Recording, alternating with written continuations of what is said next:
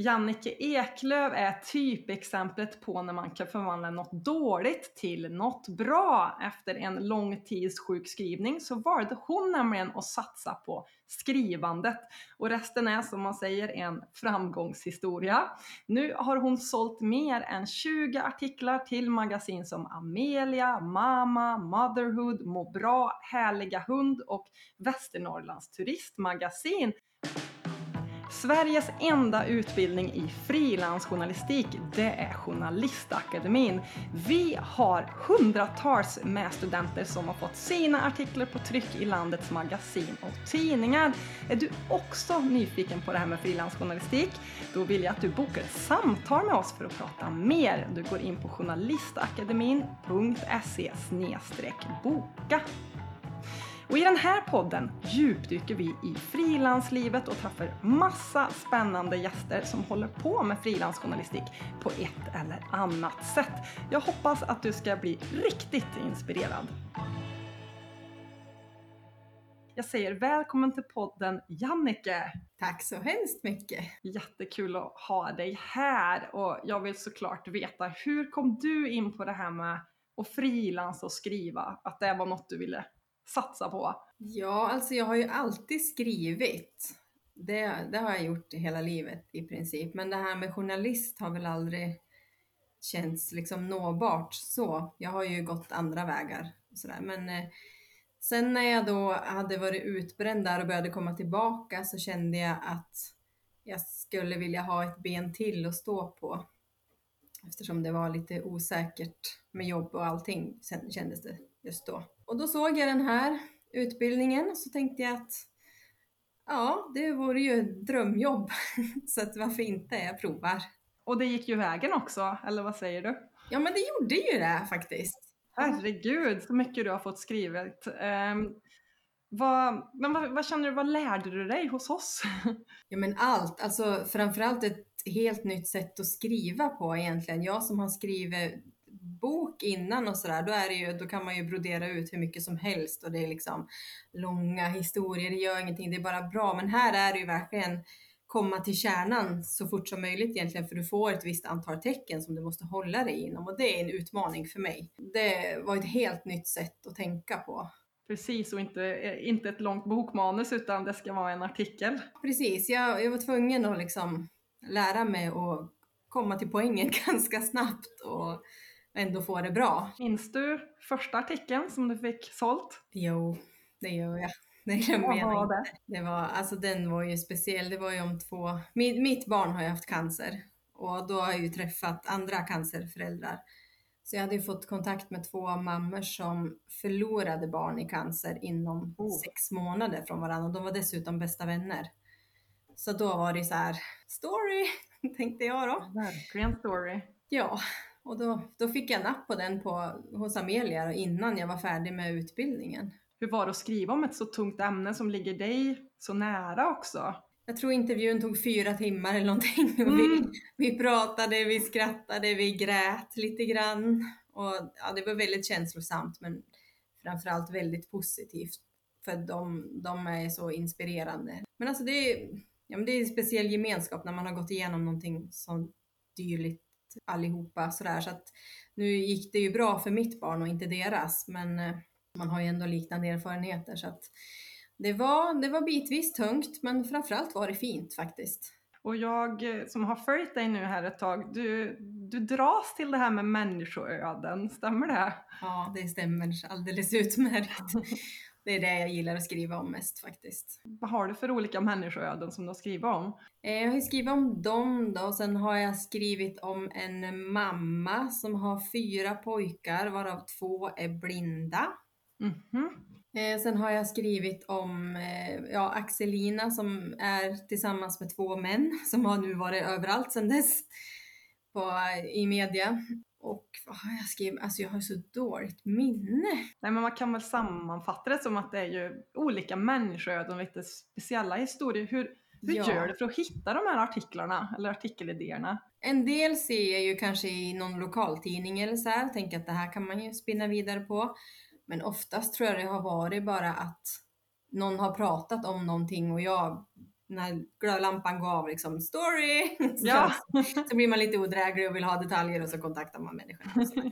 Så att det är väl mest så faktiskt. Jag har ju en, en story var ju om min bästa vän också som fick barn med 15 års mellanrum. Så det är ju egentligen en sån här Mm. grej man inte ska göra. Man ska inte skriva om folk som är nära en. Men det, det gick faktiskt bra.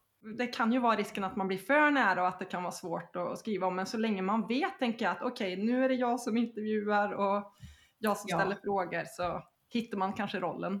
Ja, men precis. Jo. Vad har du lärt dig av alla de här intervjuerna du har gjort? Ja, jag har lärt mig att det är skillnad på en intervju och ett samtal.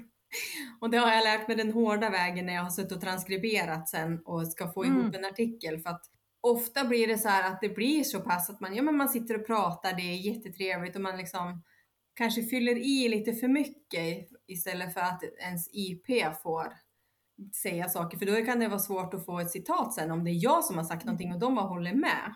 Just det. det har jag fått lära mig att det där måste jag tänka på och inte vara så engagerad. jag ställer frågorna, jag kommer inte med svaren. Det där känner jag igen nu när du säger det. Jag har också en förmåga att åh, jag vill fylla i, men då blir det ju då är det jag som pratar, det är inte dem. Ja, det är jättelätt hänt alltså. Så det där, det där har jag lite svårt för faktiskt. Men det, ja, jag försöker tänka på det. Och hur känner du då? För du sa det här med att det är story, att du känner det när det är story. Tränar du upp någon sorts känsla för vad som är en bra vinkel? Hur, hur vet du om att det här är någonting? Jag vet inte, jag tror det är en känsla mest bara. Faktiskt. Sen har man ju andra stories kan ju vara att man känner att de här människorna skulle jag vilja berätta om. Men då får man kanske hellre fundera på hur kan jag vinkla det? Och då är det lite värre. Alltså det bästa är ju när det är solklart från början. Att det är den här vinkeln som gäller. Men annars kan det ju vara, i vissa gånger är det ju faktiskt en intressant människa som man bara tycker har mycket att berätta. Men då får man ju försöka ändå twista till det lite där. För det är inte alltid redaktörerna har samma liksom, känsla som jag. Så här, du måste förstå att det här är en väldigt intressant människa som vi måste berätta om. Så kan inte jag komma och säga för då säger de bara nej, nej, nej, nej. Men, men när du kommer hem sen då, nu sa du att du var ute och intervjuade fyra timmar en gång. Och du, för du, spelar, du brukar spela in eh, till mikrofon, Ja. eh, intervjuerna. Ja, hur, hur gör du sen för att bearbeta och skriva sen då? Hur går det till? Ja, men då är det ju bara att sätta sig och bita i det sura äpplet. Jag tycker det är jättetråkigt att transkribera. Men det är, ja, det är inte så mycket annat att göra. Det är ju bara att sätta sig och få ner allting så att jag har det på papper. För jag är också väldigt, har ju extremt dåligt närminne så att jag, jag måste ju förlita mig på vad som sägs i diktafonen. Annars är det ju kört. Är det svårt sen eller hur, hur går det till när du, du har allt material transkriberat och välja ut vad du ska ha med sen då i artikeln? Eller? Jag har säkert en ganska krånglig skrivprocess kan jag tänka mig. För att ofta så har jag ju väldigt mycket text då.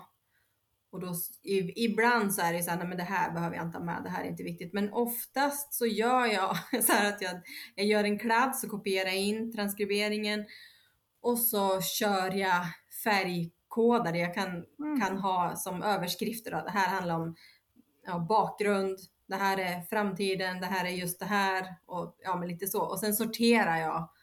Jag går igenom hela dokumentet och färgmarkerar jag så att jag vet att det här handlar om det och sen så lägger jag det kanske i ordning och så börjar jag skriva och så har jag en annan teckenfärg och så skriver jag så hoppar jag liksom i de där så kan jag stryka eftersom när jag har använt det. Mm. Det, det finns garanterat smidigare sätt men jag har inte kommit på något än i alla fall. Så att, Nej, men jag tänker så länge man har sin metod så Ja men det är ju så. Ofta så känner man ju också så nej men det här måste jag ha med, det här måste jag ha med och det här är jätteviktigt. Det, där har jag lite svårt att sålla. Det kommer liksom efteråt när man, oj hoppsan, jag har 5000 tecken för mycket, jag måste nog skära en hel del här. Det är ofta så jag jobbar. Väldigt osmidigt. Väldigt osmidigt ja. Men hur, hur, har, hur är samarbetet med redaktionerna då? För nu har du ju ändå testat lite olika magasin. Eh, alltså jag tycker det har varit ganska bra ändå, men det, det är mycket nya människor. Alltså det, jag tycker de, de byter folk lite väl ofta, för har man fått en relation med någon, då kommer det som ett brev på posten eller ett mail kanske, att ja, jag ska sluta. Jaha, så får du ha kontakt med den här människan istället och sådär. Eh, man får försöka tänka att man gör ett jobb åt dem, för jag tror det är väldigt lätt att man blir nedslagen, för de säger ju vad de tycker. Och de kan ju liksom ja, men komma och säga att det här funkar inte för att, eller det här måste du stryka, eller det här får du skriva Ja men sådär. Och det får man ju bara ta. Det betyder ju inte att det är dåligt, men det, jag tror det är där man måste kanske lära sig. Det kanske är lite jobbigare i början om det Ja, för det märker jag, de som går hos oss har ju oftast en liten rädsla för att bli refuserad, få nej, eller att bli kritiserad. Ja. Vad, vad tänker du om det? det? Det är bara att svälja. Det är inte personligt och det är, säger ingenting om ditt skrivande heller. Utan det är, dels kan du komma med en helt fantastisk pitch för att du har världens bästa idé, världens bästa IP, vad som helst. Och så blir du nedslagen direkt för att då säger de att nej, det här är inte intressant för oss. Eller så säger nästa att nej, vi har nyss haft något liknande. Eller ja, men vad som helst och då kan man känna att shit, det går ju inte. Eh, så att jag tror överlag ska man bara rycka på axlarna så mycket som möjligt och tänka att det är inte personligt. Har du några nischer som du känner att det här skulle jag vilja bita tag i och testa något nytt? Eller håller du dig i det här äh, människoöden-zonen? Eller vad säger du? Ja, alltså jag, jag gillar ju att skriva om människoöden av olika slag. Jag tycker det är roligast. Men eh, sen skulle jag naturligtvis gärna göra utlandsuppdrag.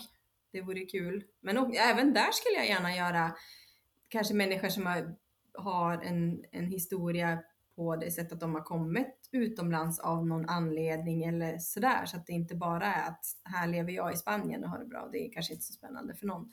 Men det är väl drömmen ändå att kunna, kunna faktiskt få resa lite mer och, och samtidigt skriva och fota då.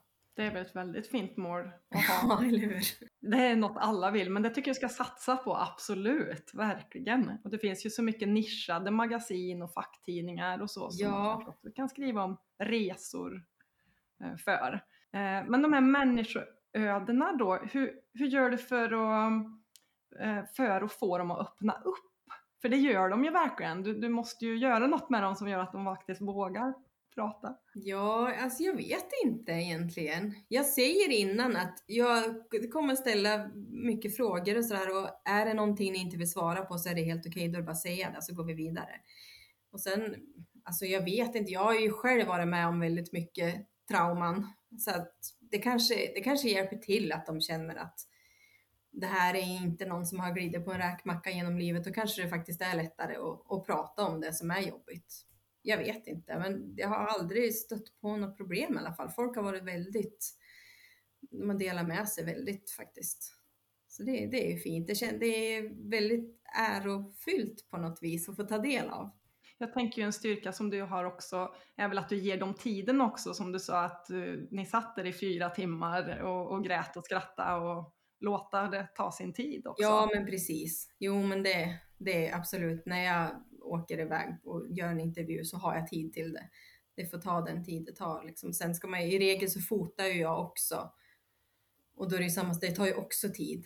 Så att det kan ju bli, det kan bli långa sessioner men det, det, får, det, ju, det får det ju ta liksom. Det är inget konstigt. Hur ser livet ut nu då? Hur mycket frilansar du och vad har du framför dig? Just nu har jag faktiskt inte gjort någonting på ett tag. Jag jobbar ju heltid på mitt andra företag också så att jag har, eh, det var väldigt intensivt där ett tag, mycket jobb, mycket skrivande och ja, frilansande så att eh, jag tror att jag, jag har ju varit utbränd också tidigare ja. så jag måste ju tänka mig för lite grann. Så känner jag att nu måste jag vila lite grann så gör jag det. Och så koncentrera mig på mitt ordinarie jobb då. Men nu, nu har jag börjat pitcha lite grann igen för nu är jag sugen på att komma igång.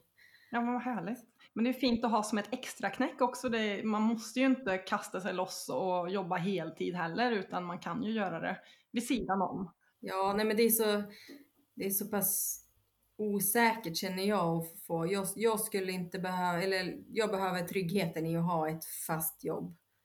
Så att jag vet att jag kan betala mina räkningar liksom. Och sen, sen har jag det här utöver. Än så länge så jag vet inte vad som händer i framtiden, men, men som det är nu så har jag inte energi nog att jaga så mycket jobb, om man säger så. Även om man kommer in i det så får man ju jobb. Jag har ju fått de flesta av mina jobb nästan har ju blivit liksom tillfrågad. Är det så?